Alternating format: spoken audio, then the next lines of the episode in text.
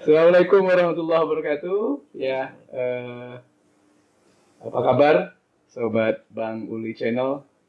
Eh, pada kesempatan perdana ini kita kedatangan Dr. Jimmy, Direktur eh, Rumah Sakit terbesar mungkin di Riau dan Wah. Kepri. Dia nggak boleh disebut namanya, dia belum jadi sponsor kan. Iya, Jadi beliau ini eh, masih sangat muda. Ini sebenarnya kita sengaja mengundang beliau untuk eh, bincang-bincang bersama Bang Uli.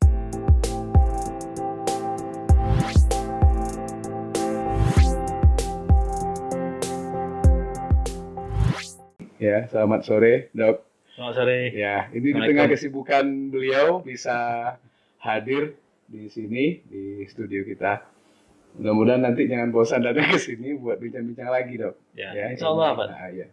Ini kebetulan kita eh, pertama dan temanya juga tidak terlalu berat ya. Kita ingin bincang-bincang dengan Dr. Jimmy eh, tentang ya berbagi cerita dan tips sukses di usia muda sebenarnya.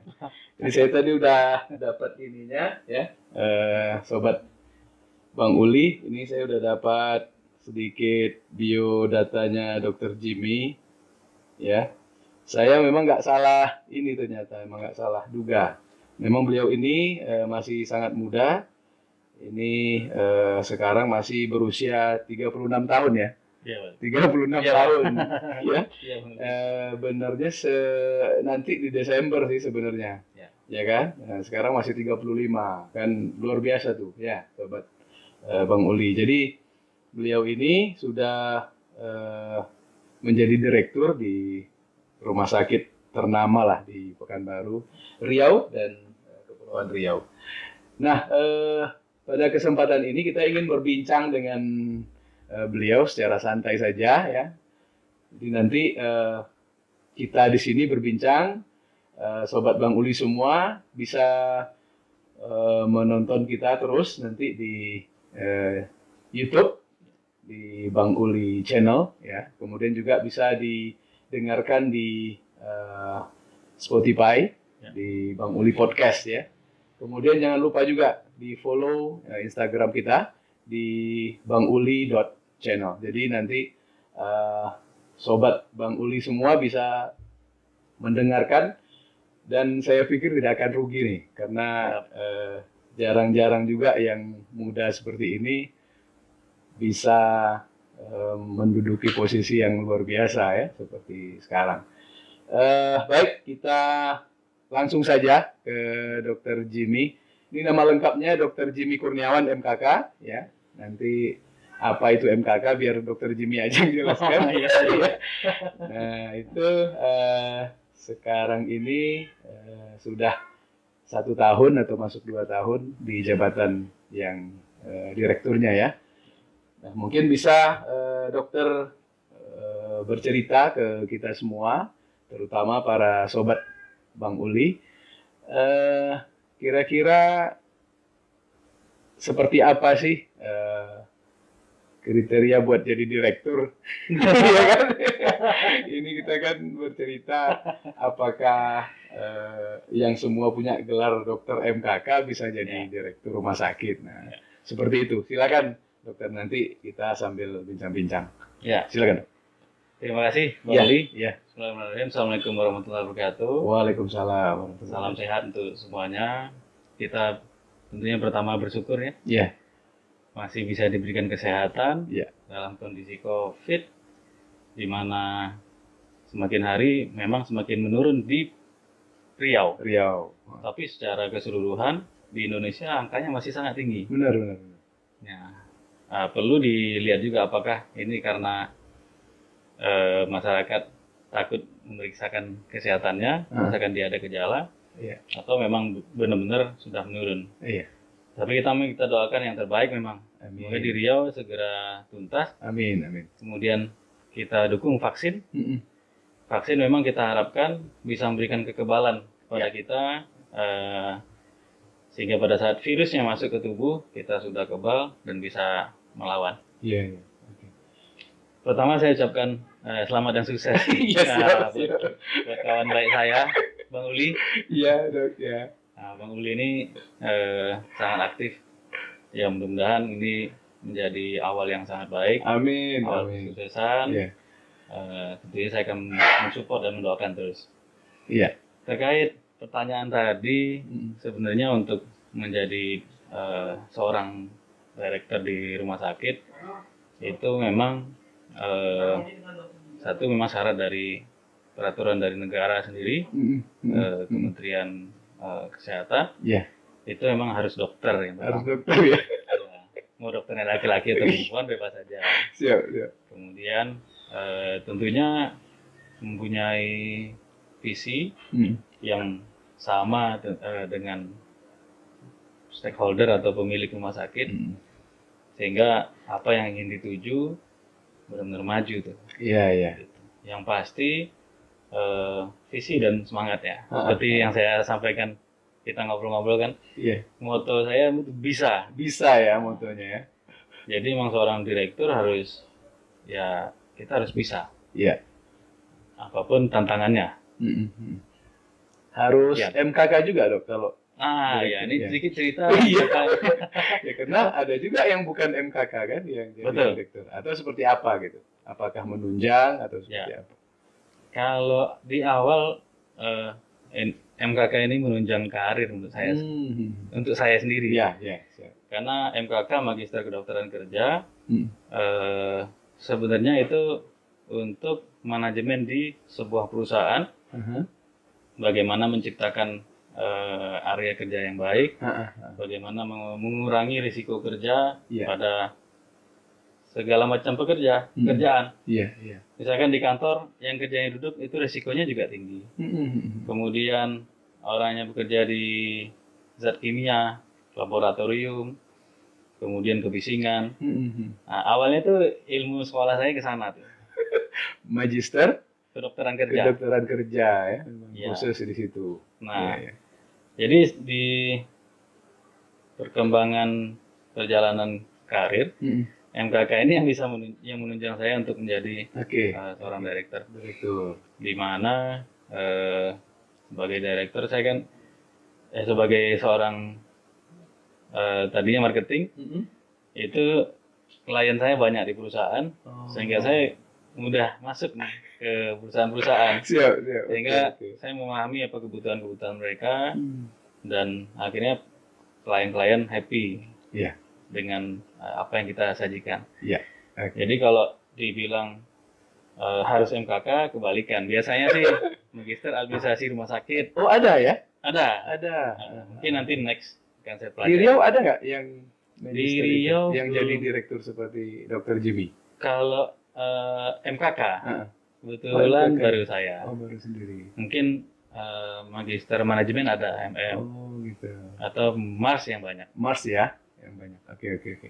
Sip. Jadi eh, dokter wajib ya itu. Dokter wajib. Itu tipsnya ya. Iya. Jadi jangan Dokter mimpi. dokter gigi. Jangan jangan mimpi mau jadi Iya. direktur rumah sakit kalau bukan dokter. Iya. Kan gitu kan? betul. Harus dokter. Nah itu tips pertama. Kemudian juga harus eh, mengambil eh, magister mungkin yang menunjang, Iya, betul. menunjang ke karir kita. Betul. Nah kebetulan dokter Jimmy di MKK eh, kedokteran kerja ya, Betul. Eh, sehingga marketing masuk bisa banyak relasi. Iya. Karena memang kalau sudah jabatan direktur ini, kebetulan Bang Uli juga di salah satu media Ya, ya, betul. di direktur juga, emang harus koneksinya luas. Ya. Ya kan, jadi eh, tips kedua kita harus punya koneksi luas. Yes, betul.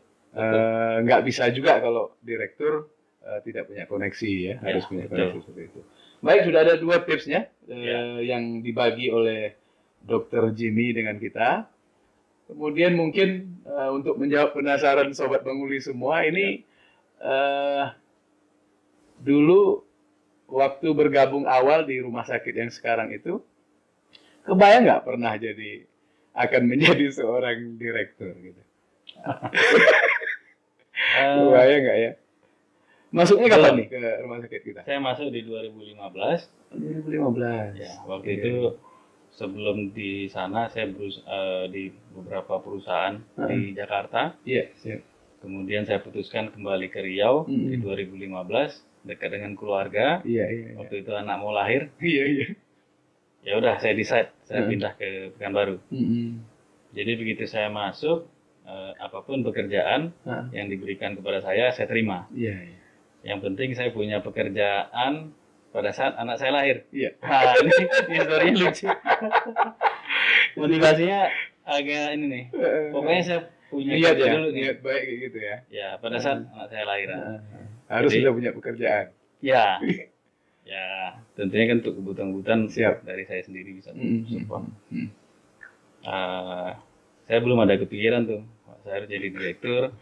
Saya harus jadi ini, jadi ini. Nah, Masuk awal di marketing. Tidak, di Tidak ya? komite mutu. Oh, komite mutu. Nah, komite Hmm. mutu ini memang eh, kita benar-benar harus memahami SOP-nya rumah Hmm. sakit. 2015 tuh ya? Iya, mutu dan keselamatan pasien. Iya, iya. Jadi memang salah satu core-nya rumah sakit adalah mutu dan keselamatan pasien. Oh, paling utama. Ya, Iya. jadi masuknya saya itu mungkin jalurnya ya, takdirnya nih. Udah tepat benar ya. Iya, Memang Saya kuncinya di situ dokter Iya. langsung, langsung masuk ke sana gitu kan. iya. Iya benar benar. Jadi dimasukkan ke eh, departemen yang yang benar-benar ya isinya rumah sakit itu Ah, di di mutu itu. iya iya. SOP-nya, bagaimana alurnya, bagaimana kita mengutamakan keselamatan pasien, Oke. bagaimana mutunya rumah sakit itu kita bangun, Mm-mm. kita ciptakan sama-sama. Iya, iya. Kita ya, kebetulan kan eh, kita rumah sakit yang berstandar internasional Ah, ah, dan juga nasional. iya. eh, kita ngikuti itu tuh. Nah, mengikuti itu emang cukup eh, ketat dan sulit di mana kita tahu ya namanya standar internasional itu Internasional. nggak nggak mudah Mm-mm. eh, permintaannya banyak nah itu yang kita kita jalankan itu. Iya. iya. kemudian barulah satu tahun satu setengah tahun kemudian Ah, 2017. iya 2016 akhir 16 akhir. Ya. itu masuk sebagai marketing Hmm. Nah, dan, Marketing. dan juga dipercaya sebagai salah satu director juga Hmm. di rumah sakit grup tapi di luar daerah Oh, yang di ujung batu ya? ya Iya. di Kalau tempat nggak apa-apa disebut dok. ya betul. Iya, iya, iya. Boleh boleh boleh tahu nanti kan jadi sponsor baru kita sebut Iya. rumah sakit. ya Iya, ini sambil santai aja Iya. kan. Oke, berarti nggak kepikiran ya, nggak pernah kepikiran, kepikiran, menjadi direktur, tapi dijalani aja. ya Tapi luar biasa loh, sobat Bang Uli. Jadi dalam waktu empat tahun, berarti kan 15, terus mulai jadi direkturnya 2019 kan? ya Hanya dalam waktu empat tahun. Nah itu luar biasa. Eh, kebanyakan sih kalau kita bekerja dari awal, yang paling rendah, paling bawah itu biasanya sampai 10 tahun gitu kan, sampai ini. Nah ini makanya istimewa sekali kita mengundang Dr. Jimmy hari ini. Saya terus terang belum tahu nih ceritanya Sobat Bang Ya. itu pun dekat dengan Dr. Jimmy, tapi hari ini kita karena berbagi cerita dan tips eh, beliau bisa sukses dan bagi saya eh, mungkin bagi Dr. Jimmy ini belum masuk sukses seperti apa, tapi bagi saya eh, bagi Bang Uli sendiri eh, menduduki sebuah posisi seperti sekarang ini sudah masuk kategori sukses. Eh, awal dulu misalnya masuk eh, tamat itu bekerja eh, tentu dokter tidak langsung ke yang rumah sakit sekarang ya kan? Nah, memulai karir di dunia kerja itu gimana sih dok awalnya dari eh, karirnya sendiri? Ya. Ya saya baru mulai bekerja 2010 Heeh. begitu selesai kebetulan eh, saya punya teman waktu itu waktu mahasiswa saya sering ngadain baksos iya iya sunatan massal Hmm. eh, pengobatan dan lain-lain penyuluhan-penyuluhan Iya. di akhir saya sekolah itu beliau telepon saya tuh Hmm. nah, dokter Jimmy udah jadi dokter belum belum saya bilang gitu kan kawan sekolah betul ya oh, enggak, Enggak. rekanan saya kita Oh, waktu gitu ngadain aja. baksos oh baksos jadi Karena saya butuh gitu-gitu. dokter dia bilang gitu saya punya banyak klinik Hmm. saya butuh dokter gabung dong dokter Hmm. Jimmy dia bilang gitu kan saya bilang saya belum jadi dokter Hmm.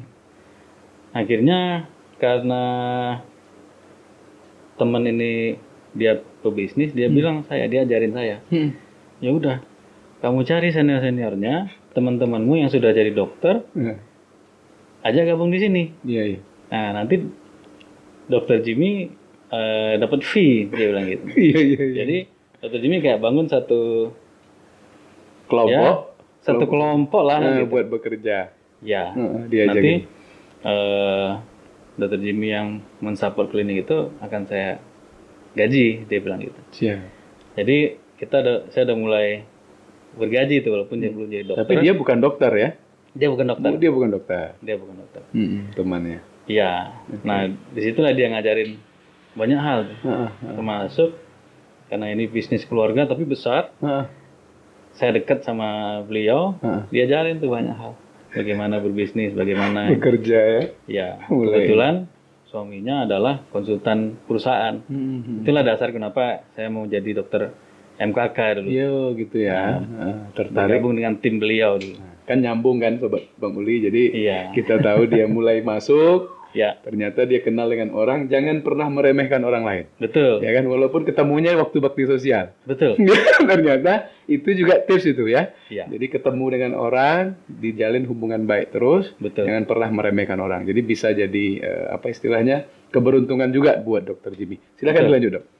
Kuncinya networking tadi Networking ya. nah, kebetulan itu pun sebentar jumpa Mm-mm. eh, tukeran nomor telepon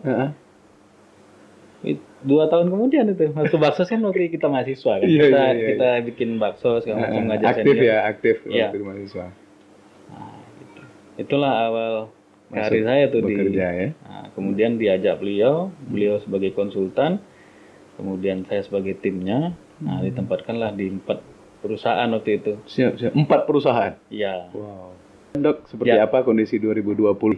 ya. Jadi buat eh, kita 2020 merupakan ya kalau bisa segera berlalu kan. Segera berlalu. Dan kondisinya di mana semua orang itu eh, work from home, Mm-mm. semua takut, semua menyelamatkan diri. Iya. Sementara kita harus hadir justru. Kita justru harus keluar Mm-mm. membantu masyarakat, membantu pemerintah eh, untuk menangani COVID ini. Tapi dalam kondisi saat itu eh, orang menahan sakit. Jadi kalau sakit-sakit ringan orang tahan. Dulu kan orang sakit sedikit ke rumah sakit, Rumah ke sakit. klinik rumah sakit. Sekarang takut ke rumah sakit. Jadi takut, ke puskesmas takut, ke klinik takut, rumah sakit takut. Iya, siap. Akhirnya kita mengalami penurunan jumlah pasien, Pasien. rawat inap, rawat jalan itu hampir sekitar 50-an persen. 50 persen. Ya. Kemudian eh, penghasilan rumah sakit itu juga turun hampir sama tuh. Kemudian eh, tenaga medis itu parno kan. Kita Iya, semua iya, parno. iya. Kita nggak tahu ini, ini covid nggak, ini covid nggak. Mm. Saling curiga. Saling curiga. Iya. Sehingga banyak juga dokter-dokter spesialis yang eh, mengurangi jadwal prakteknya, Mm. kemudian mengurangi interaksi dengan dengan pasien. Pasien. Ya itu saya pikir hal yang wajar, manusiawi. Mm. Kita sama-sama ingin melindungi.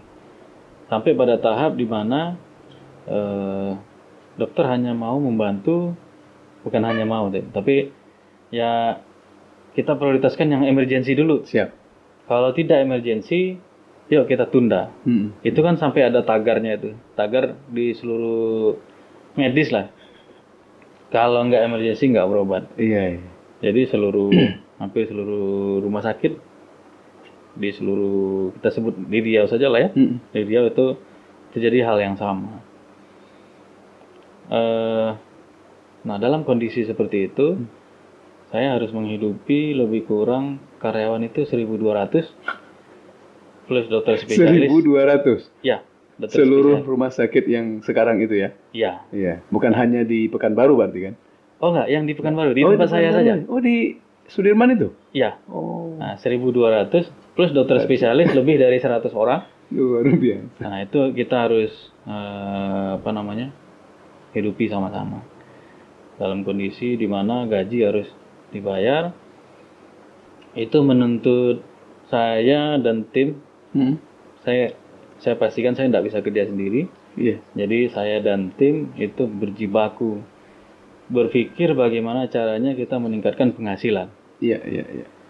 Jadi kita eh nah kita kita saya punya networking, saya hubungi pada saat kita kondisi sulit saya hubungi rekanan perusahaan-perusahaan nah, yang hmm. istilahnya membutuhkan supporting dari kita. Iya, iya. Akhirnya saya dapat beberapa perusahaan itu minta supporting tenaga kerja, Oh, kemudian supporting peralatan medis, siap. kemudian peralatan obat-obatan Hmm. khusus COVID yang mereka mau prepare di tempat mereka. Alhamdulillah itu mensupport penghasilan kita. Kemudian eh, saya bisa kasih eh, apa ya sharing bahwa kita tidak mengurangi satupun karyawan kita saat Luar biasa. COVID. Kenapa? Kayak yang tadi. Iya, iya, Networking iya. dia butuh perawat. Ah, ah, Saya kirim perawat. Saya kan kelebihan berarti. Jumlah jumlah pasien turun, saya kirim perawat. Iya, iya, iya. Mereka minta Bisa kirim pindah tempat bekerja berarti kan? Ya, betul. Kirim analis. Oke, saya kirim analis. Hmm. Nah, saya kirim dokter Iya, iya. untuk support mereka. Oke. Alhamdulillah, eh, justru pada saat COVID, Pak, itu kita banyak penambahan-penambahan karyawan. Oh. Kemudian kita eh, diminta juga Pak Gubernur Heeh. itu untuk membantu eh, tracing, di mana waktu itu rumah sakit pemerintah masih keterbatasan, walaupun sudah bisa melakukan tracing untuk pasien-pasien COVID, misalnya PCR, Iya. eh, kita putuskan saat itu ya oke kita bangun laboratorium dan kita support alat PCR-nya. Oke. Alhamdulillah eh, sambil kita bantu pemerintah, nah, kita bantu tracing juga, Hmm. terus kita memberikan eh, mengeluarkan pemeriksaan eh, mandiri Mandiri. untuk masyarakat dan dan perusahaan-perusahaan yang rekanan sama kita. Iya, iya, iya. Kita tahu pada saat itu jika ada yang positif teman kerjanya, kemudian ke- keluarganya itu harus di PCR ya, melakukan PCR. Karena Iya, iya. sampai saat ini untuk mendiagnosa eh, apa pemastian untuk memastikan diagnosa itu salah satunya dengan PCR yang paling sensitif lah. Iya. Artinya begini dok, tipsnya salah satu yang saya tangkap tadi kreatif ya. Iya, Berarti harus kreatif. betul. Dalam kondisi apa pun, karena tadi memang motonya bisa kan. Iya, betul. Nah, jadi kita harus eh, kreatif, tidak tinggal diam Betul. eh, menghadapi apa pun kondisi yang sedang dihadapi oleh perusahaan kita atau Betul, betul. dokter kebetulan di rumah sakit kan. Betul. Nah, kemudian yang saya tangkap tadi juga eh, tim, ya. Nih, sobat Bang Uli nih tim. Ya. Jadi tim ini apa pun mereka, siapa pun mereka, ini harus kita rangkul dalam Betul. kondisi yang berat seperti ini. Betul. Dan saya terkesan sekali tuh, dok. Memang dalam kondisi sulit tidak ada yang dirumahkan, tidak ada. Ya. Ini luar biasa nih. Jadi eh, salah satu triknya harus kreatif dan tim yang ada itu tidak boleh kita sepelekan. Semuanya berarti Betul. punya kontribusi kan Betul. untuk mensupport kita bisa sukses eh, dalam eh, jabatan ini. Nah Betul. itu mungkin yang menjadi eh, stressing saya tadi. Ya, Nah kemudian eh, satu lagi networking tadi sudah ya kita harus punya networking dan tidak boleh berhenti pada eh, satu kreativitas. Sudah Ya. selesai di sini main lagi di tempat lain. Betul. Ternyata ada rezeki lagi kan. Betul. Pak Gubernur datang lagi segala macam. Itu sobat Bang Uli nggak nggak banyak tuh yang bisa seperti itu. Jadi ini Dokter Jimmy masih muda dan masih banyak sekali eh, apa namanya masih panjang karirnya untuk Ya. hal-hal yang baik seperti itu.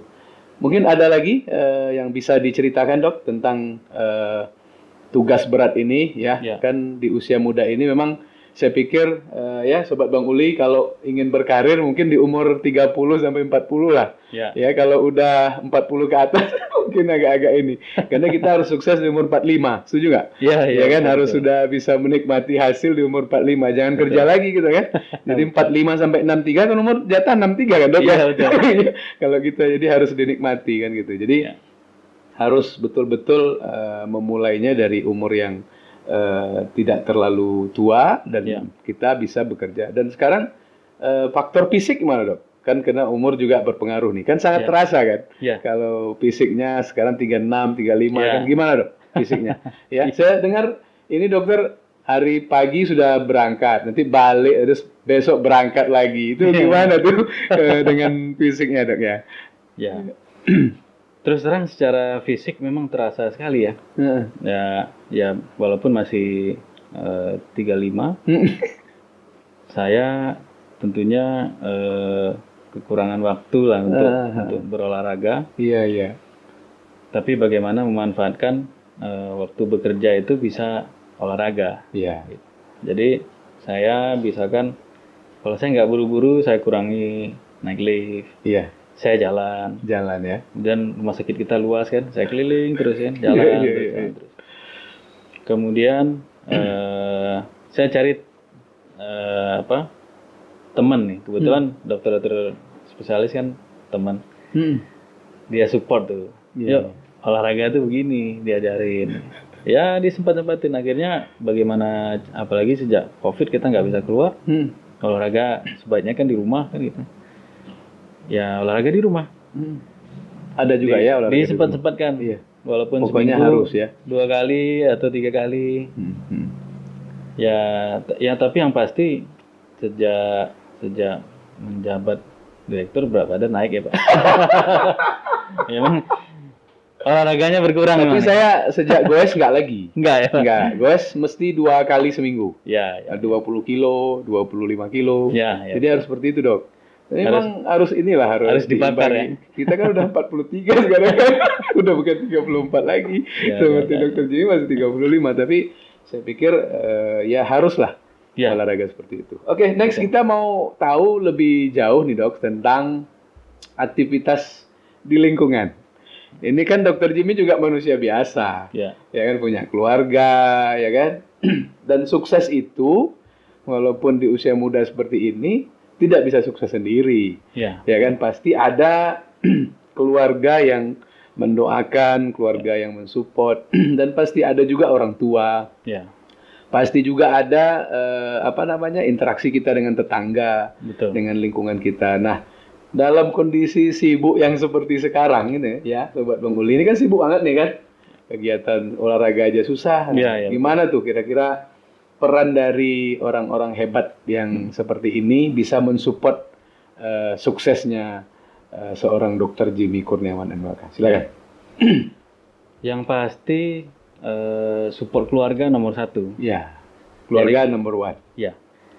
Jadi saya nggak bisa tuh sejak saya di kampus kan kita berorganisasi, kemudian saya menghadapi eh, tantangan di luar Hmm. itu saya akan kuat tuh. Siap. Tapi kalau ada masalah di keluarga, eh, saya akan rapuh. Iya, Artinya iya, iya. nggak fokus, nggak nggak semangat kan. gitu. Tapi alhamdulillah supporting keluarga eh, luar biasa. Mungkin 100% lebih lah, 110% kalau saya Iya, iya, perhatikan. iya. Seperti yang saya cerita, Iya. ya kadang berangkat pagi jam jam jam 7 setengah 8 udah berangkat. Hmm. Nanti pulang eh jam 7, jam 8. Karena malah- 12 jam, 14 jam ya. Ya, an- anak-anak istri itu amazing kalau saya pulang sore. Wah, kok bisa pulang sore nih kan gitu. Iya, iya, oke. Itu buat mereka Eh, amazing saya kalau siap. saya bisa cepat pulang. Ah, ah, ah, Nah, ah. tapi itulah berkah untuk saya. Anak-anak ngerti, Hmm. istri mengerti dan keluarga juga semua support. Support ya. Ya, ya dengan kesibukan orang tua juga paham. Hmm. Ya, ya tentunya dengan doa orang tua, nah, anak dan istri mendoakan kita, ya kerjaan jadi ringan, jadi lancar, Iya. sehingga kita bisa menjalankan tugas dan amanah ini dengan baik. Oke. Kalau dengan lingkungan sendiri, kan pulangnya udah malam. Ya, Terus masuk hari Sabtu Minggu juga ke tempat kerja. kadang-kadang Gimana? Sabtu kita masih masuk, Iya, iya. Minggu Gimana tuh memanage waktu dengan kiri kanan di Ya. tetangga kan? Ya, Masih bisa ikut kegiatan sosial seperti apa. Betul, Itu juga membantu kan buat kita tidak asik terlalu asik dengan kesuksesan di luar. Gimana Ya. tuh dok kira-kira? satu saya berada di kompleks yang tidak terlalu besar, Hmm. Kemudian masyarakatnya eh, senang bersosialisasi, Mm-mm. senang berkumpul. Iya iya. Sejak COVID aja nih yang yang Iya, nggak harus sering. jarak ya. Ya, kalau dulu sering kita Mm-mm. malam manfaatin kadang-kadang pulang jam 7 Mm-mm. kemudian jam setengah 8 jam 8 kan kita sholat isya Bisa ya. di masjid. isya di masjid habis itu ngobrol-ngobrol Iya iya. iya. kemudian pagi saat subuh bareng-bareng di masjid ngobrol-ngobrol kemudian Sabtu dan Minggu itu sering gotong royong Siap. nah kalau Masih bisa ikut ya? Sabtu mungkin nggak bisa ikut ya, bisa ikut. tapi kalau Minggu masih bisa ikut Iya iya. bareng-bareng kita gotong royong Ah, ah. ya semua kita kerjain bareng-bareng Siap siap. Nah, akhirnya di sebuah lingkungan yang tidak terlalu besar, Mm. saya bilang masyarakatnya juga apa eh, yang tinggal di sana juga nggak terlampau ramai, tapi kita nyaman. Saya pun kalau eh, keluar kota, Mm. tipinnya nyaman. Iya. Kemudian warga di sana itu sering bertanya. Kemudian eh, ada juga yang suka yang keliling-keliling. Nah, saya jadi tenang. Oke, baik. Ini terakhir nih dok. Eh, kalau soal eh, tips sukses ya, sepertinya tidak lepas juga. Ini menurut Bang Uli nih ya, eh, sobat semua, tidak lepas dari yang namanya nasib, ya kan? Bagi se- seorang dokter Jimmy gitu, ya kan udah dari 2010, Ya. kemudian masuk ke rumah sakit yang sekarang 2015 sampai di puncak karir eh, 2019 begitu kan? Eh, gimana kira-kira nih? Kalau saya eh, melihat memang ada juga sih faktor nasib Ya. tapi apakah bagi seorang dokter Jimmy juga itu termasuk salah satu tips ataupun Ya. gimana ya silakan dok Ya, jadi eh, kita semua kan sudah punya takdirnya ya. ya ya sudah Tapi takdir itu kan sering kali kita harus memilih. Hmm, hmm. Nah, eh, tadi karena saya cerita tadi kan ayah saya yang orangnya Ah, ah, ah, keras, keras pokoknya bisa saya. ya semua bisa bisa, kerjaan semua bisa. Apa pun tantangan dikasih orang, Hmm. jawab aja iya, bisa, Hmm. oke. Hmm. Nah, itu prinsip prinsip itu. Jadi eh, jangan pernah menolak kesempatan. Ya. Karena nggak bakal datang dua kali tuh kesempatan Ah. yang sama. Saya Benar tuh sobat Bang Uli. Saya ya pernah juga saya kerjakan dulu waktu waktu awal-awal jadi dokter dapat kesempatan saya tolak Iya. tempat ini saya saya tidak mau kan. Hmm, hmm. Akhirnya saya bilang wah saya tidak tidak bisa berhasil nih. Saya bilang. Iya, iya. Tapi begitu saya menerima sebuah tantangan, it- sekarang juga sama tantangan dari pemilik, dari dari stakeholder, pemerintah, Iya. dari perusahaan, itu saya selalu bilang bisa. Kita kerjakan. Bisa nggak itu? Bisa. Pandai nggak Pandai. rumah sakit ngerjain itu? Pandai. Kami kerjakan. Berarti faktor nasib bagi dokter Jimmy ini udah eh, kecil sekali lah ya. Eh, Iya. Artinya memang yang menentukan itu kemauan kita dari awal Betul. sebenarnya yang tadi kan cerita Betul. yang awal tadi. Jadi kalau soal nasib, nasib justru dibentuk memang sudah ditakdirkan, Iya. tetapi kan masih bisa kita poles tuh. Nasib Iya. kita mau jadi baik, mau jadi apa kan masih bisa ini. Intinya tidak boleh bergantung kepada nasib loh. Ya, Iya. sobat Bang Uli. Jadi kalau kalau nasib mungkin memang ada faktor penentu Ya. di ujung karena kalau katanya sih kalau rezeki dikejar-kejar rezekinya segitu juga. ya kan? Jabatan Iya. dikejar-kejar nanti segitu itu juga udah takdir, tapi yang namanya nasib nggak boleh ditaruh di depan. Iya. Begitu. Begitu nggak bisa, oh ini udah nasib saya. Kan nggak benar tuh Iya. ya kan tapi belum dikerjain gitu belum Iya, di, betul. di apa eh, secara totaliter belum dikerjakan nah, tahu-tahu udah ngomong nasib nyanyi udah takdir Iya. seperti itu Eh, mungkin itu saja dok Iya. jadi eh, penutup silahkan mungkin kalau ada yang mau disampaikan ke Iya. sobat bang Uli semua ini karena Baik. memang eh, perdana ini Ya. jadi nanti eh, mudah-mudahan ini bisa bermanfaat untuk sobat Bang Uli semua, Ya. baik yang mendengarkan lewat podcast kita, baik yang menonton kita di YouTube maupun nanti yang follow IG kita Ya. bisa bermanfaat dan saya pikir ini bagian dari amal jariah ini. Iya kan? Apa yang kita sampaikan ya, cerita, tips, sukses begini Ya. menjadi amal ya. Artinya kita ikhlas membagikan cerita ini kepada Ya. orang-orang yang membutuhkan. Ya. baik. Silakan kalau ada hal-hal yang mau disampaikan ke Baik. sobat Bang Uli semua. Baik. Terima kasih Bang Uli. Iya, Untuk sobat Bang Uli, iya, ya mungkin tadi saya perlu sedikit tambahkan bahwa yang namanya semua usaha kita Hmm. itu eh, tak tak tak jauh dari pemberian Allah juga akhirnya. Ya Allah. Kita merencanakan, akhirnya keputusan Allah yang Iya, yang- iya. kemudian kita berdoa. Berdoa ya. Jadi setiap usaha kita harus berdoa, kemudian kita minta eh, dukungan dari keluarga, Iya. minta doa tuh.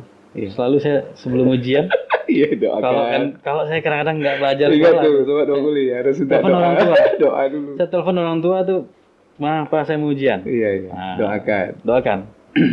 Lancar aja tuh keluar aja, walaupun kadang-kadang kita ujian belum siap. Iya, iya. Jadi eh, saya belum bisa ya ya sukses itu kan penilaian orang lain. Iya, benar. Jadi saya selalu memacu diri saya ya Jimmy belum sukses. Hmm. Jimmy harus lebih maju lagi dari Iya, sekarang. masih ada yang harus dikerjakan. Iya, Masih ada yang harus dicapai. iya, Masih ada yang membutuhkan. betul. Gitu. Nah, Kemudian kita eh, tidak boleh nganggap kita jadi nomor satu. Iya, oke. Kita harus jadi nomor dua.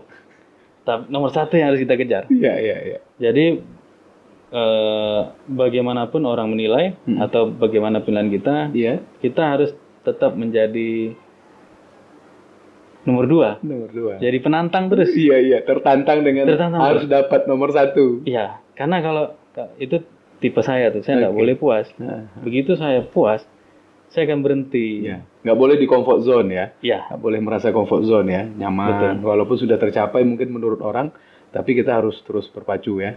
iya. Terus. Dan saya selalu eh, mendengarkan nasihat orang tua. Kalau saya bingung, nelfon orang tua, nelfon istri, tanya pendapat, tanya teman-teman. Iya, iya. iya. Nah, Lewat ngopi-ngopi. ya betul. Kita nggak bisa kerja sendiri. Oke, sip. Nah, jadi semua hal yang sudah saya hasilkan, mungkin kesuksesan-kesuksesan kecil atau beberapa kesuksesan yang yang pernah saya raih, Iya, iya. eh, itu tidak kerja saya sendiri, Oke. kerja kerja tim saya, support keluarga, Heeh. tentunya atas izin Allah. Iya. Eh, semua orang punya potensi sukses. Oke. Semua orang Semua orang punya. punya potensi sukses. Karena kita dilahirkan memang untuk sukses. Ya, Iya. betul, Kita udah susah juga dilahirkan kemarin kan. Betul. Masa udah lahir nggak mau sukses? betul. gitu ya. Oke. Jadi teman-teman ya semangat ya. Tetap Apa pun pekerjaannya, jangan pernah mengeluh, Hmm. dikerjakan. Terus kadang-kadang ada pekerjaan yang eh kok ini ini ini anak muda nih. Iya. Saya perhatikan zaman milenial. Iya, iya, iya. Kalau nggak sesuai pekerjaannya dia agak Iya, iya. agak nggak happy nih. cepat minder, cepat lari. Iya, cepat ini, ini. nggak kerjaan saya nih. Iya.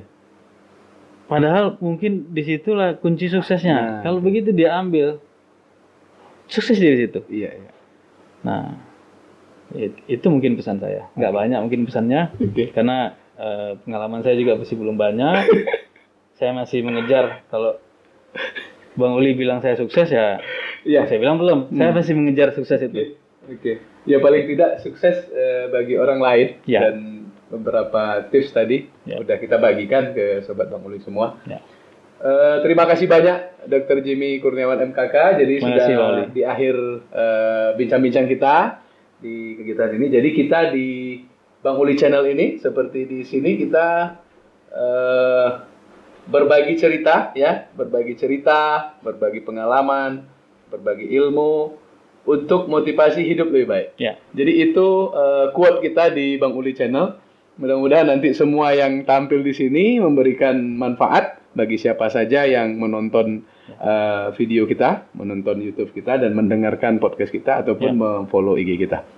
Baik, sobat Bang Uli, eh, di akhir ini sekali lagi eh, tonton terus kita di eh, YouTube ya, di Bang Uli Channel dan dengarkan juga kita di eh, Spotify di Bang Uli Podcast dan jangan lupa follow eh, Instagram kita, Ya. IG kita di eh, Bang Uli eh, dot channel. dot channel. Mudah-mudahan di sana nanti dapat eh, bermanfaat untuk kita semua.